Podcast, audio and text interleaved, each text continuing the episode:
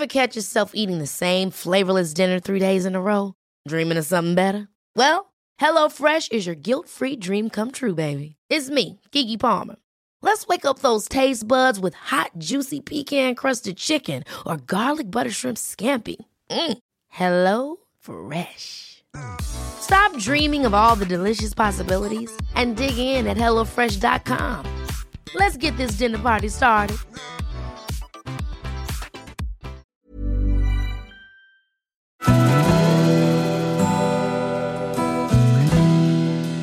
Välkommen till Stora relationsguiden.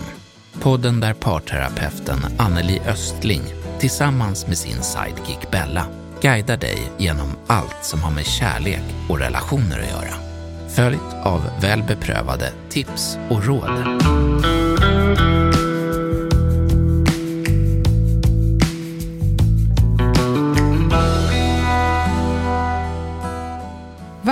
Det egentligen som är den främsta skillnaden mellan en kärleks och vänskapsrelation? Alltså, hur skiljer de sig främst åt?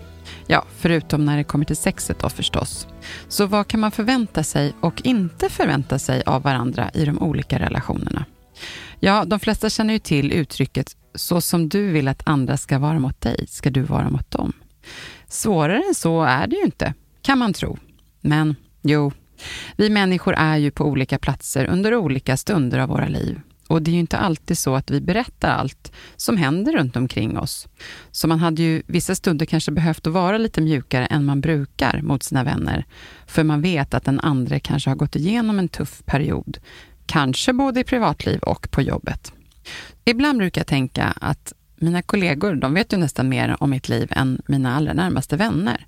För vardagen är ju liksom den största delen av livet och den delar man kanske inte hela tiden med sina vänner. Och jag nämner det just som ingång för hur man ska vara mot och med varandra. När man tänker på tips och löpsedlar om relationer i media så är det ju främst fokus på kärleksrelationer. I alla fall i vår kultur. Och då mindre som sagt på vänskapsrelationer. Varför är det så tror du Anneli? Ja, i dagens samhälle ställer vi högre krav på våra kärleksrelationer än vad vi har gjort eh, i tidigare generationer. Mm. Dels för att vi lättare kan lämna och byta ut vår partner om vi inte får livet att kännas bra tillsammans. Och vi har ju blivit mera självständiga och timmarna på dygnet fylls med allt mer som vi vill få tid för. Samt också känner en viss förväntan att vi också ska hinna med. Och i vänskapsrelationer förhåller vi oss på ett annat sätt där vi inte tvingas dela på vardagssysslor. Så i vänskapsrelationer är vi mera som, eh, ja, jag skulle säga som katter som kan komma och gå, mm. lite som det passar oss själva. Skulle vi behandla en god vän så som vi ibland kan göra mot en partner så är risken stor att vi skulle förlora vänner på vägen, vilket vi inte vill göra utan visar istället ofta större respekt gentemot en vän för att vi kan lättare ta en partner för given. Och vänner kan komma och gå under åren beroende på vilken livssituation vi befinner oss i. Och det är lättare att acceptera att en vän i perioder har fullt upp och upplevelsen av att ses igen kan kännas som att det var igår vi sågs. Och det skulle inte fungera i en kärleksrelation, även om det ibland sker och då med starka känslor av övergivenhet, oro eller svek för att vi eh, har en annan relation till en partner. Mm. Ja, men så är det verkligen. Det kan jag hålla med om. Den här, som du säger, med att komma och gå, det tyckte jag väldigt tydligt gentemot hur det är mot en kärleksrelation. Så mm. är det ju mm. inte. Nej. Men vad är det bästa med kärleks respektive vänskapsrelationer, skulle du säga? Ja, det klassiska uttrycket partners kan komma och gå, men vännerna består. Mm. Det ligger ju någonting i det där. Och eh, det säger en del om det, även om vänskapsrelationer också behöver verkligen vårdas. Mm. Och i vänskapsrelationer kan vi komma och gå och kan välja att umgås när man har tid och lust. Och det är ofta inte lika kravfyllt och känsloladdat för de inblandade så som det kan bli i kärleksrelationer, utan mera ett utbyte av ren vänskap, där man respekterar varandras val och bara kan följas åt sida vid sida. Och i en kärleksrelation, den kan ju ge trygghet på ett annat sätt. Mm. Det som vi uppskattar med friheten i en vänskapsrelation kan vara motsatsen till det vi önskar i en kärleksrelation, i att känna att man hör ihop. Relationen kan kännas förutsägbar på ett positivt sätt, då vi vet vad vi kan förvänta oss och för det mesta planerar och delar många saker ihop. Och det klassiska med varför man vill vara i en relation är att höra ihop med någon som valt att tillhöra mig, fast på ett frivilligt sätt. Mm. Och det är ju i och för sig lite samma som i vänskapsrelationer. Mm. Mm. Men jag tänker att man liksom, det är som att man trippelsatsar in i en kärleksrelation, där liksom allt ska funka, eftersom man ses i princip varje dag, vilket man i alla fall kanske vill. Vad menar du med trippelsatsen? Nej, men att man måste ju, i en vänskapsrelation, som du säger, man kanske ses lite då och då, och kommer och går. Ja. Men i, man måste hela tiden vara aktiv i en kärleksrelation, där man ses kanske varje dag. Ja. Man liksom behöver satsa hela tiden. Ja. Man kan inte bara, eller Vissa kanske gör det, går därifrån. Ja. Utan man behöver hela tiden vara uppe i sitt engagemang i en relation. Ja, mm. det blir ju bättre i en relation när man har det där ja. engagemanget. Och det är väl det ibland som kan brista också. Ja. Ja, men, och, för jag tänkte just det, medan vännerna och de ses så hörs man ju mer då och då. Mm. Så på vilka sätt bidrar de här olika relationerna till våra liv och inte minst vår trygghet? Ja, att veta att en vän finns ett samtal bort, det kan betyda allt och göra att vi slipper känna oss ensamma även om man inte ses varje dag. Det är en jätteskön känsla. Mm. Med en kärlekspartner så kan vi känna oss ensamma om vi inte har ansträngt oss tillräckligt med att fördjupa relationen och hittat ett sätt att kommunicera på som gör att vi känner oss förstådda och nära och trygga i det. Mm. Och eh, det fina i nära, trygga kärleksrelationer är att vi kan dela och hjälpas åt med allt som vi annars får ta ansvar för själva, som ekonomi, sköta ett hem och förhoppningsvis ha en trygg hamn i våran partner som vi alltid kan få stöd och trygghet av. Så fördelarna kan vara många som har betydelse i våra liv. Och en jämförelse mellan en nära vän och en partner kanske inte ens är värt att göra då de fyller olika behov och är lika viktiga, men på olika sätt för att känna trygghet i våra liv. Mm. Verkligen, det har väldigt rätt i. Jag tänkte på det här när du sa att man delar de här grejerna som att städa och ekonomi och sånt där, mm. som eh, kan vara väldigt eh, befriande att få dela med någon. Och det hade ju också i och för sig kunnat vara vissa av de här sakerna, att man bor tillsammans med en vän och då delar man det. Och det är också mm. skönt att göra det, ha det och dela på. Liksom. Absolut. Att eh. dela ansvar är ju alltid skönt, mm. men det blir ju mer så i en kärleksrelation. Ja, ja men precis. Ja. Mer vanligt. Mm. Jag skulle vilja passa på att fråga hur relationerna bidrar till vår hälsa också när vi ändå är igång och pratar om det här välmående. Mm. Att känna samhörighet och få höra till är ju en grundtrygghet som vi blir allt mer medvetna om från att vi börjar ta små steg ifrån våra föräldrar till att leka med kompisar när vi är små, till exempel. Och det blir en grundtrygghet om man känner sig vald av en kompis som vill och väljer att vara tillsammans i en exklusiv vänskapsrelation. Mm. Sen finns det ju olika typer av vänskapsrelation, men det här är ju då en nära vän. Mm. Och tryggheten och tillgången till både vänner och en kärlekspartner skapar ett eh, lugn som gör att vi kan må bättre varje dag och slippa känna oss ensamma och på så sätt utsatta i stunder när vi behöver någon. Mm. Och där tror jag du verkligen är inne på någonting, just det här med ensamhet. Mm. Är inte det typ en av de största grejerna till liksom välmående, att slippa känna ensamhet? Ja. Om man har en väldigt nära och tajt relation till sin vän, då kan man ju vara om man är singel och inte har någon partner, så kan ju det vara nästan som ett substitut för en partner. Man kanske hörs varje dag Ja. faktiskt och känner sig inte ensam med det. Och Mm. sen behöver man kanske inte höras varje dag för att inte känna sig ensam. Men ändå. Ja. Verkligen. Mm. Men här vill jag också förtydliga att Mm. lika tryggt och närande som det kan kännas som bidrar till en skön känsla i livet, att ha just de här nära vänskapsrelationerna eller kärleksrelationer. Lika ensamt kan det kännas om man inte har vårdat sina relationer, alltså med vänner. Om man känner en otrygghet, om man inte känner det där att vännen finns ett samtal bort. Eller Mm. om man har en partner som man inte står nära, som man inte känner att jag kan räkna med när jag behöver Mm. en partner. Det där kan ju bli riktigt smärtsamt. Ja, Mm. Ja, jag förstår det. Jag har faktiskt en vän som nämnde häromdagen, så sa hon att jag måste säga det här med att, när du sa, du kan ringa mig när som helst. Mm. Så där sa hon att, nu låter det som att jag klappar mig själv på axeln här, men jag tror att det var under en svår tid, eller vi har ju känt varandra hela livet, så där, men att Mm. jag var så här, då menar jag verkligen, jag brukar liksom poängtera det där väldigt tydligt, när som helst, alltså ring mig mitt i natten, när Mhm. som helst, jag kommer, det spelar ingen roll. Och då så sa hon, det där har jag alltid känt att du är att räkna med i det där. Mm. Men det, det menar väl alla som säger det? Och så, nej.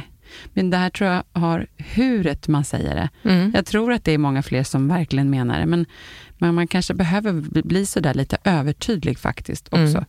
mot vissa. Ja, Så, så att, eh, eller så är det faktiskt kanske vissa som också bara säger det som att man tänker att nej, jag tror ändå att om man säger det så menar man det. Ja, fast vet du vad? Jag har faktiskt varit med om det en gång när jag mådde riktigt dåligt, när jag hade en utmattningsdepression och jag hade ångest och pratade då med en god vän Mm. eh, som sa just det där att du kan ringa mig när som helst. Mm. Och då var det ju så, när jag väl ringde, då behövde jag någon nu. Mm. Men jag fick inte tag på personen i fråga och det visade sig att den här personen hade varit på dejt och haft telefonen avstängd och uttryckte sig lite så att eh, jag var borta, jag hade inte tid liksom.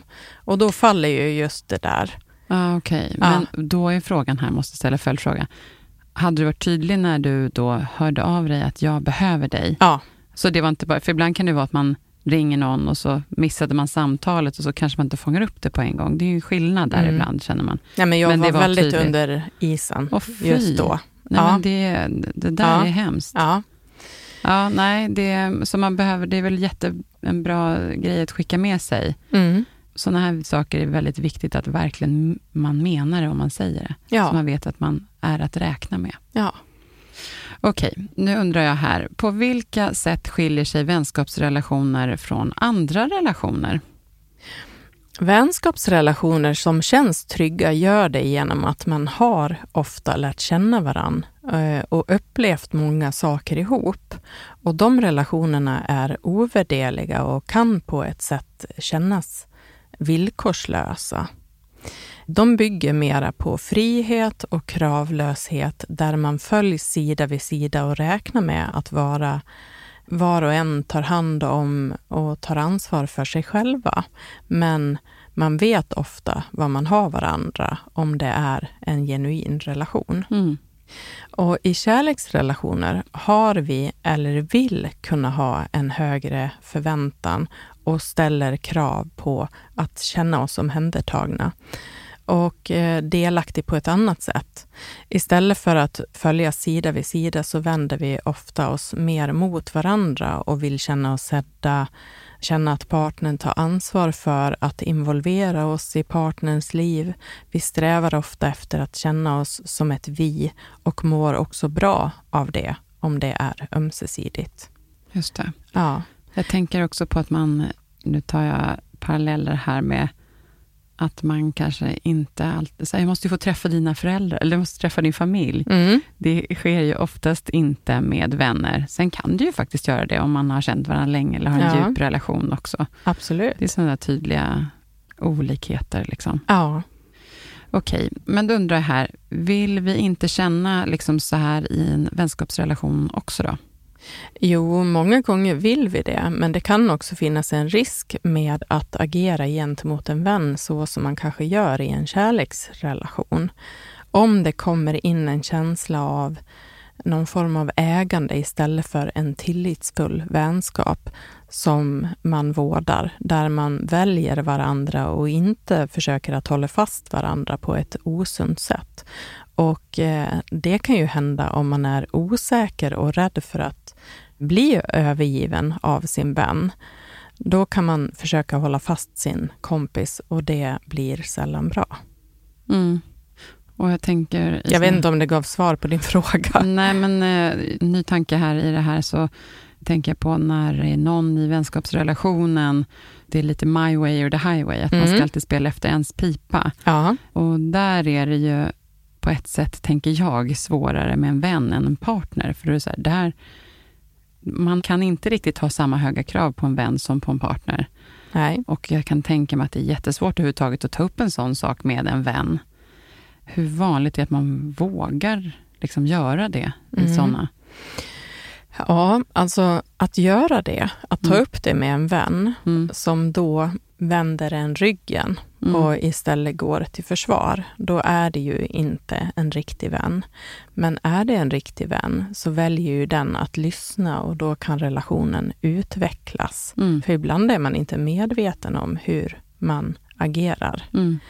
Och här blir det ju lite svårare med en vän, en partner. Där tycker man ju ofta att man kan förvänta sig och att man borde kunna ställa det kravet. Mm. Men i en kärleksrelation så kan det ju också vara my way or the highway. Mm. Ja, verkligen. Så där behöver man ju samma mod mm. att kunna säga att du, det här känns inte riktigt bra. Mm. Jag vet inte om det är dina villkor som ska gälla eller om vi ska bestämma tillsammans. Mm. Mm. bra. Men vad är viktigt när man vill skapa kontakt med andra och fördjupa känslan och kontakten med en vän eller kanske en potentiell partner? Mm, intressant fråga. Jag tänker att många är rädda för att visa hur mycket man tycker om någon ifall att det skulle visa sig att det inte är ömsesidigt. Det. Och det här påminner mig mycket om starten på en kärleksrelation också, då man inte vill vara för på. Och det kan kännas läskigt att visa att man vill någonting för mycket. Men det är dock viktigt att visa uppskattning för att personen ska förstå att den är utvald och viktig. Och att det här sker ifrån båda håll för att man ska våga mera i relationen och välja att ta nya kliv tillsammans. Hänger du med? Mm, mm. Mm. Och vad det leder till, det vet ju ingen i förväg. Så det här är ju ett, ja, man skulle kunna säga ett risktagande. Men samtidigt så, livet är fyllt av risker och om man ska vinna någonting, då behöver man ta en risk. Så det här handlar ju också om att våga visa sin sårbarhet. Våga berätta för någon hur mycket de betyder man behöver få chans att lära känna varandra eh, först. Det är ju, om man säger, det är ju en förutsättning för att bli modig i att våga ta de här stegen.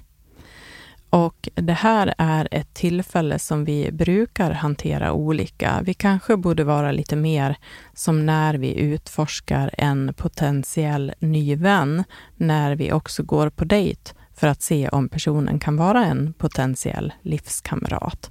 Alltså när mm. vi dejtar har vi ofta en annan lins på kameran som gör att vi kan missa att utforska om personen också kan bli min bästa vän. Just det, vad intressant tanke. Mm. Ja, och det här är ju någonting som jag har sett är väldigt viktigt i relationer som ska hålla länge, eller som vi pratade om i förra avsnittet med hållbarhet. hållbarhet. Ja. ja. Mm. Allt som vi gör när vi vill eh, liksom utveckla någonting så är det förenat med en risk. Mm. Men man behöver ju våga satsa för att vinna någonting. Absolut. Om det så är livslång vänskap eller relation. Mm. Men om man aldrig vågar så får man ju aldrig ta del av det där. Nej. Ja, nej men ja, tack. Jag skulle också vilja ta upp en sak som jag har satt stor vikt och värde på. Och Det här kan ju vara det som gör att jag kan värdesätta vissa kompisrelationer mer än andra också. Mm. Eh, några är ju så nära som att de vore faktiskt mina egna systrar, kan jag känna. Och Det är alltså det här att ge av sig själv utan att förvänta sig att få något tillbaka då. Men när man också upplever det tillbaka så kan man ju också känna sig så himla full av tacksamhet och lycka. Vad tänker du om det? Ja, ja men det är ju härligt att bara höra din fråga här. Mm. Och det finns mycket med en vänskapsrelation som påminner om en kärleksrelation här också. Det som ger en god, skön känsla hos en vän är att man är beredd att bidra och ge av sig själv utan att räkna med att få någonting tillbaka, precis som du sa. Och om vi är generösa och ger av oss själva så sänder ju det också signaler till den andra som förstår att den betyder någonting speciellt för den här personen. Det kan vara lite svårt ibland att våga ta emot, men det är ju otroligt skönt. Och Det blir också osjälviskt och helt utan baktanke om egen vinning när man väljer att vara generös på det sättet. Och Det kan ju bli starten på en energifylld relation som kommer att bygga på ett givande och tagande om den andra vågar ta emot uppskattningen och vänskapen som vi är beredda att erbjuda. Och det här gäller kanske både vänskaps och kärleksrelationer, tänker jag, och är någonting man faktiskt kan börja med senare i en relation också, även om man inte har tänkt så mycket på det innan. Mm. Man kan förändra en relation genom att bara börja förhålla sig på det sättet. Ja, och vara generös och liksom jag tänker det här med att man kanske går och tänker fina saker om den andra. Mm. Och att man ska vara bra på generös och säga det. Ja. Då blir det så himla mycket mer värdefullt och mer glatt. Varför inte? Ja. Man, Var bjussig det liksom. Ja, och man kan nästan känna sig lite generad när man får höra sådana saker, men det är ju så himla härligt. Mm. Och då ta emot det och så kan man ge tillbaka ja. på en gång. Ja. Som en kärleksboomerang, oavsett om det är vänskapskärlek eller annan. Och det är i de lägena man brukar skoja till det, när man tycker att det känns lite pinsamt, så säger man att eh, är det här klubben för inbördes beundran eller? Mm. Den kan man ju ta till då. ja. ja. det är, det är bra. bra. att avdramatisera det hela, ja. när man tycker att det känns lite eller så kan man bara fortsätta en väldigt kärleksfull spiral. Men ja. du, du är så här, eller så här. ja. ja. ja, det är bra.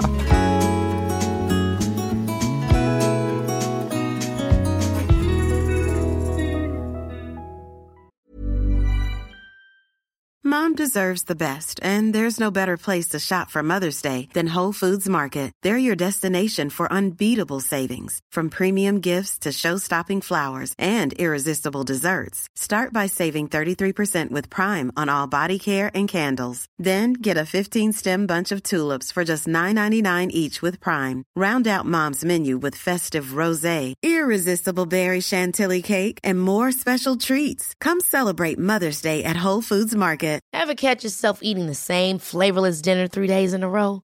Dreaming of something better? Well, HelloFresh is your guilt-free dream come true, baby. It's me, Gigi Palmer. Let's wake up those taste buds with hot, juicy pecan-crusted chicken or garlic butter shrimp scampi. Mm. Hello Fresh. Stop dreaming of all the delicious possibilities and dig in at HelloFresh.com. Let's get this dinner party started.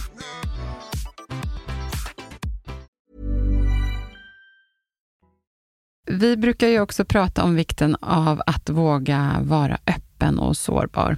Och att det ibland kan väcka rädslor som att ta en risk ifall att man inte får det tillbaka.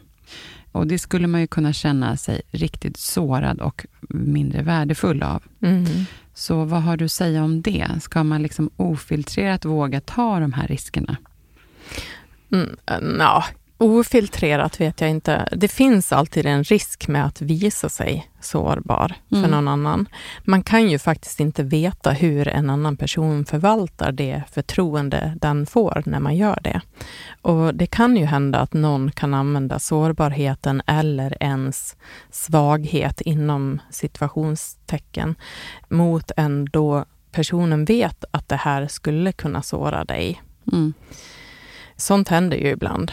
Men vågar man inte visa sig fullt ut så kan vi också gå miste om att komma nära en vänskapligt känslomässig relation som då skulle ha möjlighet annars att fördjupas. Mm. Det är synd att sitta och hålla på det. Ja, men det här är ju, det är ju läskigt. Det är läskigt att visa och inte vara säker på hur det tas emot. Mm. Och genom att själv våga så tillåter vi också andra att göra det. Så jag tycker ändå att den där risken är värd att ta. Mm. Om man också kan göra något gott för någon annan som börjar våga. Alla kan inte hantera det, alltså att våga ta emot och finnas där på samma sätt. Och det här skulle jag säga gäller både kärleks och vänskapsrelationer. Mm. Nu tänkte jag genast på att om man har en om vi säger att jag har en vän som är mycket bättre, eller en ny vän då, mm. som är bättre än vad jag skulle vara på att säga de här fina och bra sakerna och blomstriga sakerna som gör att man får bli varm i hjärtat. Mm. Och så kanske det tar jättemycket emot att säga det tillbaka, eller man vet inte hur. Då kan man väl åtminstone säga det, åh vad jag blir glad, alltså få en reflektion av känslan. Mm. Och jag känner precis liksom detsamma tillbaka, men jag är så himla, jag är verkligen inte alls så där bra som du på att säga det där. Men jag skulle vilja bli bättre och du ska veta att jag känner samma tillbaka. Uh Så att man också, om man vill satsa in i den här relationen, men inte är bra på det, men att mm. man i alla fall speglar och tar emot och, mm. och berättar att man kanske är lite sopigare på det här faktiskt. Ja, man men sätter för, ord på det helt ja, enkelt. Men bara för det känner jag inte liksom mindre än vad du. Nej. Mm, nej men många upplever ju också då att både kärleks och vänskapsrelationer Eh, fick sig en rejäl omskakning, kanske här under pandemin. Vad tänker du om det och hur kan du förklara det? Ja, det hände ju mycket under pandemin och jag tror att många välkomnade pandemin. Alltså personer som kunde ge sig själva en naturlig paus ifrån ett aktivt liv med både vänner och bekanta. Och under pandemin fick vi möjlighet att känna efter vad olika vänskapsrelationer faktiskt betydde och också få syn på de relationer som vi inte upplevde som genuina och givande. Och här kunde vi då tillåta oss att välja bort relationer som kanske aldrig känts riktigt bra, men som bara har fortsatt av ren slentrian, där det inte har funnits ett givande och tagande. Och vi fick en ärlig chans att hinna känna efter vilka relationer som vi verkligen saknade och vilka relationer som vi upplevde som icke-givande eller till och med dränerande. Och jag tror att många kom undan genom att skylla på pandemin för att välja bort vissa personer utan att behöva ta de här jobbiga, ärliga samtalen. Och jag kan tycka att det är lite fegt, speciellt om det handlar om personer som trott att de har stått en nära. Det kan ju bli otroligt sårande. Mm, ja. Och det kan säkert tagit tid innan man uppfattat att det verkligen var så, för man, det är lite seamless också. Ja. När tog det där slut och hur kommer man tillbaka och lite sådär. Ja. Det var en del att ta igen när man skulle börja träffa människor. Ja.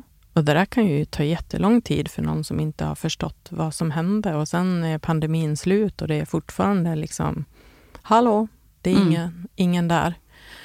Så det, det är tufft. Mm. Mm. Och hur är det med kärleksrelationerna då? Ja, många kärleksrelationer fick det tufft under pandemin om relationen redan hade problem innan. Då lyftes ju de här sakerna fram i ljuset och vi var kanske inte beredda på att hamna i den här krisen här och nu. Men det var det som skedde för många. Men jag ska säga att det var många som fullt ut också njöt av den bonustiden man fick genom att man jobbade tillsammans hemma.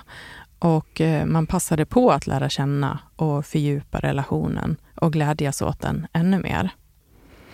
Och i både vänskaps och kärleksrelationer så skedde en kanske nödvändig sund rensning i rabatten då vi fick upp ögonen för det som var och vad är det som är viktigt för mig. Där var du ärlig.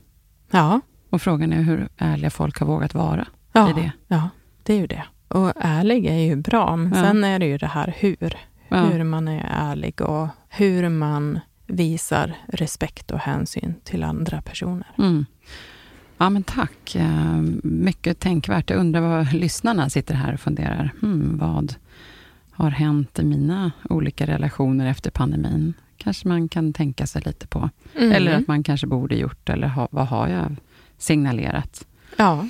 Jag kan också tycka att det var generellt, man kom ner på en låg, eh, liksom puttrande nivå som man aldrig varit i innan. Och sen var det lite svårare att komma upp i den där som jättehöga nivån som var innan i socialisering. Mm. Så det är bara det är en utmaning, att man fick ett litet nytt normalläge. Ja, men det tror jag att många kan tycka känns lite utmanande och konstigt idag. Att, nej, men ingenting, det har inte gått tillbaka till det som var. Mm. Och då får man fundera på, är det bra eller är det dåligt? Väga för och nackdelar och sen kanske man får vara lite aktiv själv då. Mm. Genom att söka upp igen eller Mm. ta initiativ. Ja, nej men vad bra. Nu går jag på nästa fråga här som är, vad krävs för att upprätthålla relationer för att de ska just kännas bra? Mm. Först och främst så krävs det ett ömsesidigt givande och tagande. Man behöver kunna ha samma förväntningar på varandra för att relationen ska kännas just givande och ömsesidig. Och när det uppstår någon form av obalans rent tidsmässigt kanske, om man inte är beredd att anstränga sig för att tiden tillsammans ska kännas meningsfull, kul eller energigivande, så finns ju risken att en eller båda tröttnar. Som nära vän så ska man inte behöva tvivla på var man har den andra. Båda behöver visa att man är beredda att ta ansvar för och investera i relationen. Och att finnas där för varandra, det tror jag att man känner om det är ömsesidigt. Mm. Och Det här är också på samma sätt för kärleksrelationer. Någonting många missar som gör att den ena kan bli att tvivla på kärleken om man inte själv är den som bara ger och ger utan att varken känna uppskattning eller få det där tillbaka från sin partner. Mm. Då tröttnar man ju. Ja, gud ja, det förstår jag. Allra mest på sin partner, men också även en vän, självklart. Ja, man behöver ihop. känna den här ömsesidigheten. Ja, annars, Det är vi två som Ja. är i den här relationen tillsammans, Ja. oavsett om det är en kärleks eller en vänskapsrelation. Mm. Och, och vad är vi beredda att investera i den? Mm. Här hörde jag faktiskt en vän i- bara här igår som sa, nu testar jag min partner. Det här med städningen hemma, jag testar och, och, och kollar om han kommer göra någonting. Sådär. Varför verkligen så här, hallå, vakna upp och var liksom, Ja, om jag inte säger något, kommer det inte hända något då eller? ja.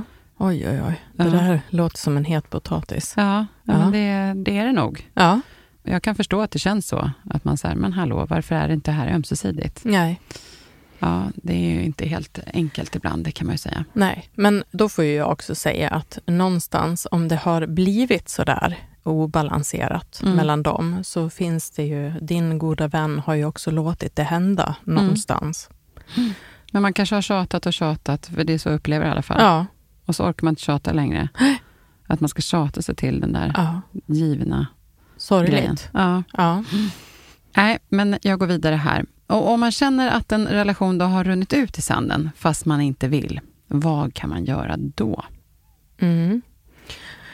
Ja, jag förmodar att du tänker mera på vänskapsrelation. Ja, ja. då. Ja. Det blir väl väldigt brutalt om det är en kärleksrelation. Ja. Då kan man inte, ja. det ska mycket till för att man ska orka vänta ut det. ja.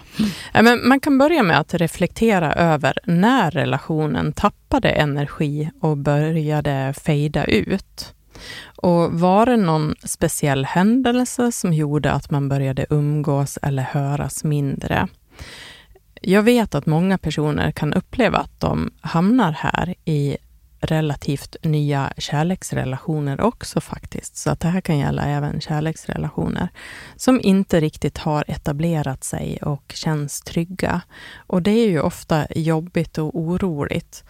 Och börjar man känna så med en relation som har pågått länge, där man upplever att man känt en trygg samhörighet tidigare, så kan man ju behöva ta ansvar för det som händer och verkligen få förstå varför den andra upplevs som distanstagande eller mindre angelägen genom att ärligt konfrontera på ett icke-dömande sätt, då vi inte vet. Vi har ingen aning om vad som ligger bakom. Mm.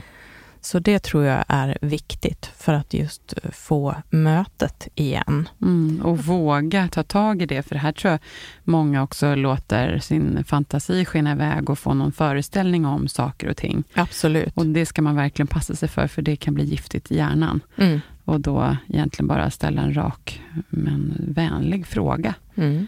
Eh, Ja, men det där är nog det vanligaste. Man Mm. blir lite rädd när någon distanserar sig och så Mm. börjar man med ett konstlat beteende Mm. istället för att bara säga du, hallå, mm. Hur, eh, hur jag, kommer det sig? jag, jag saknar dig. Mm. Eh, är det någonting jag behöver förstå här? Mm. Bra. Ja. Tack för det tipset. Ja, men, och så tänker jag på de här äh, vännerna som står en allra närmast. Då kanske det blir liksom extra svårt. Och hur ska man förhålla sig till det? Ja, men man kan behöva gå tillväga på samma sätt, alltså fundera på om det var någon speciell händelse som gjorde att man började umgås eller höras mindre. Och det kan ju vara så att den andra personen har eh, träffat en partner eller börjat ett nytt jobb, flytta eller börjat umgås med nya vänner som blev att kännas mera passande just där den personen var. I livet liksom. Mm. Ja, Och då kanske man känner sig lite dumpad i det. ja det kan man göra. Ja. Vanligtvis så kan man förstå och komma ihåg när det hände någonting i Mm. relationen. Och det mest ärliga och effektiva är ju att ta kontakt igen och uttrycka hur mycket man saknat den andra. Eller att bekänna att man under en tid valde att lägga sin tid på annat eller andra, men att man nu insett hur mycket man har saknat sin Mm. vän. Mm. Visa sårbarhet igen. Och i det här läget behöver man också vara förberedd på ett ärligt svar från den andra med risken att den personen valt annat eller inte känner att den hade tid för relationen så som livet har sett ut Mm. senaste tiden. Mm. Och att välja att bara vara ledsen och besviken över en relation som man insett att man saknat, det leder inte någonstans. Risken kan vara värd att ta, antingen för att återuppta och fylla på med ny energi i en relation som har runnit ut i sanden, eller att få ett ärligt svar, så Mm. att man vet. Men då kan man sluta tänka på det, Mm. även om man blir lite ledsen just då. Såklart. Och om vi tänker då vänskapsrelation så kan den i det här läget skilja sig från en kärleksrelation. Att det inte finns tillräckligt med tid eller intresse just nu för att umgås. Det svaret skulle man ju inte nöja sig med från en partner som man är i en relation med. Men med en vän så skulle man tvingas att acceptera det. Ja, så är det ju. Det är väl en del av det som är skillnaden mellan kärleksrelation och vänskapsrelation. Ja, Men eh, nu tänker jag liksom brygga över till just det här med att bli dumpad av någon. Alltså man kan även bli dumpad av en vän faktiskt, Ja. och inte bara sin partner. mm. Och varför det kan göra en så himla knäckt. Och kan du beskriva det och hur ser skillnaden ut i att liksom bli dumpad av en vän eller en partner? Vad tänker du? Har du någon erfarenhet eh, av det som du har träffat hos din, eller av de klienter du har träffat? Mm. Kanske? Ja, men det här att relationer tar slut. Eh, oftast är det ju kärleksrelationer då, när de kommer till mig, men det händer ju också att det är vänskapsrelationer. Och min erfarenhet är att det många gånger kan kännas svårare att känna sig dumpad av en vän än en partner. Det är lättare att acceptera att inte ha alla delar för att bli ett självklart val för en partner som också behöver känna en attraktion. Alltså det behöver inte ha med vem man är som person att göra. Om attraktionen inte finns där, eller känslorna, så behöver man inte ta det så personligt, även om man många gånger gör det Mm. också. Mm. Men att bli dumpad av en vän, det kan kännas mera sårande då det innebär att man inte har lyckats med att vara tillräckligt sällskap Mm. till en vän. Och det är ju tufft. Ja, det är ju tufft. För Ja. det ingår ju nästan i det här med i en kärleksrelation också, men där kan man kanske skylla lite mer på attraktion eller Ja, känslor. Känslor, Yes. det Ja, kan man inte. Kärlekskänslor som behöver finnas där. Ja, Och att inte räcka till som vän, det kan ju lätt väcka tankar och sorg över att en kompis inte tycker att man är tillräckligt intressant eller spännande eller givande att vara med. Så att man till och med blir dumpad för att den kanske har andra som den hellre vill investera i och spendera tid med. Lättare då att ta det rent personligt, även om det inte är hela sanningen. ja det förstår jag verkligen. Ja. Jag får lite ont i hjärtat när vi pratar om det. Ja, Ja. jag med. Ja, Mm. nej, det är tufft. Mm. Men om det är som du säger, att det är tuffare att känna sig dumpad av en vän, vad ska man göra? Finns det ens någonting man kan göra det här? Nej, ja, alltså du kan aldrig förändra eller göra valen åt en annan person. Om din vän har dumpat dig på ett tråkigt sätt så säger det ju mera om din vän än om dig. Du kan alltid vara ärlig med att förmedla hur sårad du blivit av att bli dumpad, även om din vän inte är mottaglig eller väljer att respondera med respekt och på ett vänligt, ärligt sätt. Förmodligen är din vän medveten om att du har blivit ledsen, besviken och kanske arg, vilket gör att den här personen hellre ghostar eller drar sig undan för att undvika det här jobbiga. Mm. Det är många som väljer den vägen. Mm, det kan jag tänka mig. Ja, och det här händer de flesta någon gång i livet och det är inte kul. Och då får man helt enkelt gå vidare med eller utan en respektfull förklaring. Du är densamma och kan välja att agera på ett bättre sätt gentemot dina vänner. Ibland kan en person eller vän vilja eller behöva prioritera annat och det behöver man få göra, men då helst på ett ärligt, respektfullt sätt. Mm. Jag förstår det. Jaha. Ja, nej, Det här blev ju en lite deppig avslutning. Ja, men jag ja, Ja, nej, men det, man blir lite ledsen i hjärtat. Ja. Jag, jag känner någon som har dumpat sin vän, eller jag känner båda. Mm. Och det blir sorgligt. Mm. Eh, Det blir det faktiskt, för det hade inte behövt vara så. Nej. Eh, Men ibland är det något gott också, att man, Ja. ibland behöver man även göra slut med vänner. Ja, och precis. Ja. Hellre det än att gå runt och inte må bra i det. Ja. Men du, då kanske jag ska avsluta lite sammanfattande på ett lite mer, eh, vad ska man säga, lättsamt sätt. Jag har nämligen lite visdomsord, tänkte jag sammanfatta med Men här. gud vad trevligt. Ja. Ja. För det är det som har dykt upp när vi har pratat här Ja. idag. Ja. Och jag tänker just på det här, det ena är med de här olika relationerna, att eh, kärleken kommer och går, men vännerna består. Mm. Det är ju så, Mm. tänker man. Men det är ju också, när jag tänkte så, så är det det här med vänskapsrelationen, relationerna, de kan ju också mer komma och gå i det vi har pratat om idag, men Mm. man kanske har en och samma kärlek. Så att den där, den är ju verkligen så, antingen eller. Ja. Och sen så har jag även det här ordspråket och uttrycket som är friskt vågat, hälften vunnet.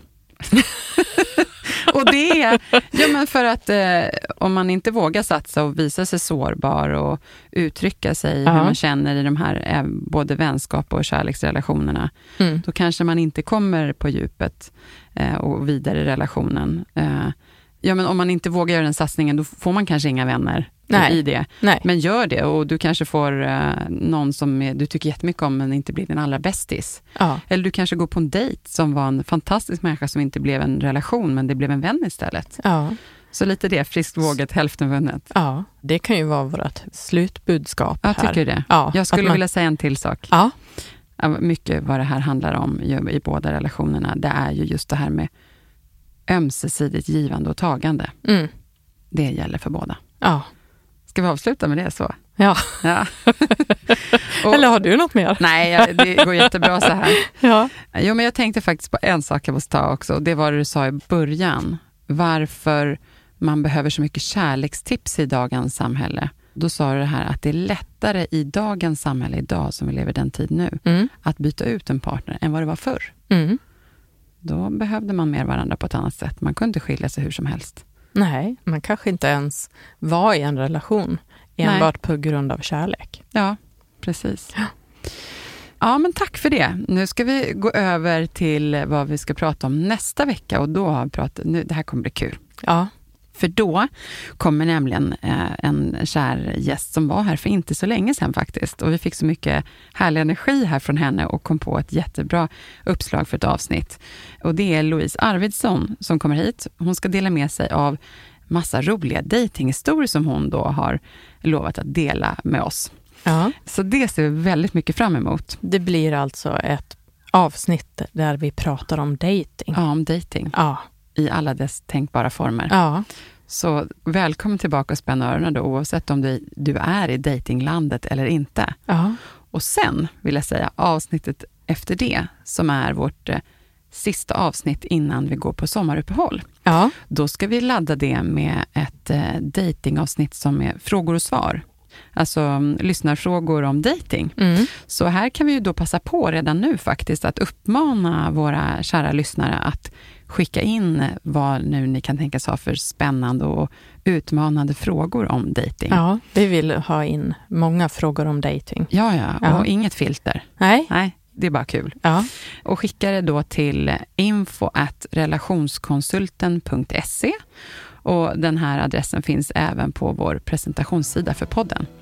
Så mm. att, eh, välkomna att skicka in frågor. Och jag avslutar med att säga som jag brukar säga, stort tack till alla våra lyssnare och även till Jens som är vår producent och klippare från Stray Dog Studios. Och Anneli, eh, som alltid, så himla värdefullt att få ta del av dina råd och all din kunskap. Mm. Vi hörs nästa vecka igen. Ja, det gör vi. Tack själv Bella. Tack.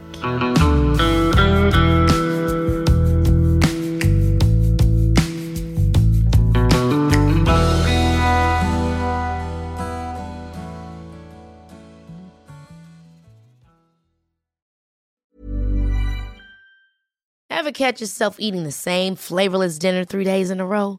Dreaming of something better? Well, HelloFresh is your guilt-free dream come true, baby. It's me, Gigi Palmer. Let's wake up those taste buds with hot, juicy pecan-crusted chicken or garlic butter shrimp scampi. Mm. Hello Fresh. Stop dreaming of all the delicious possibilities and dig in at HelloFresh.com. Let's get this dinner party started. Imagine the softest sheets you've ever felt. Now imagine them getting even softer over time. That's what you'll feel with Bowl and Branch's organic cotton sheets. In a recent customer survey, 96% replied that Bowl and Branch sheets get softer with every wash. Start getting your best night's sleep in these sheets that get softer and softer for years to come. Try their sheets with a 30-night guarantee. Plus, get 15% off your first order at bowlandbranch.com. Code BUTTERY. Exclusions apply. See site for details.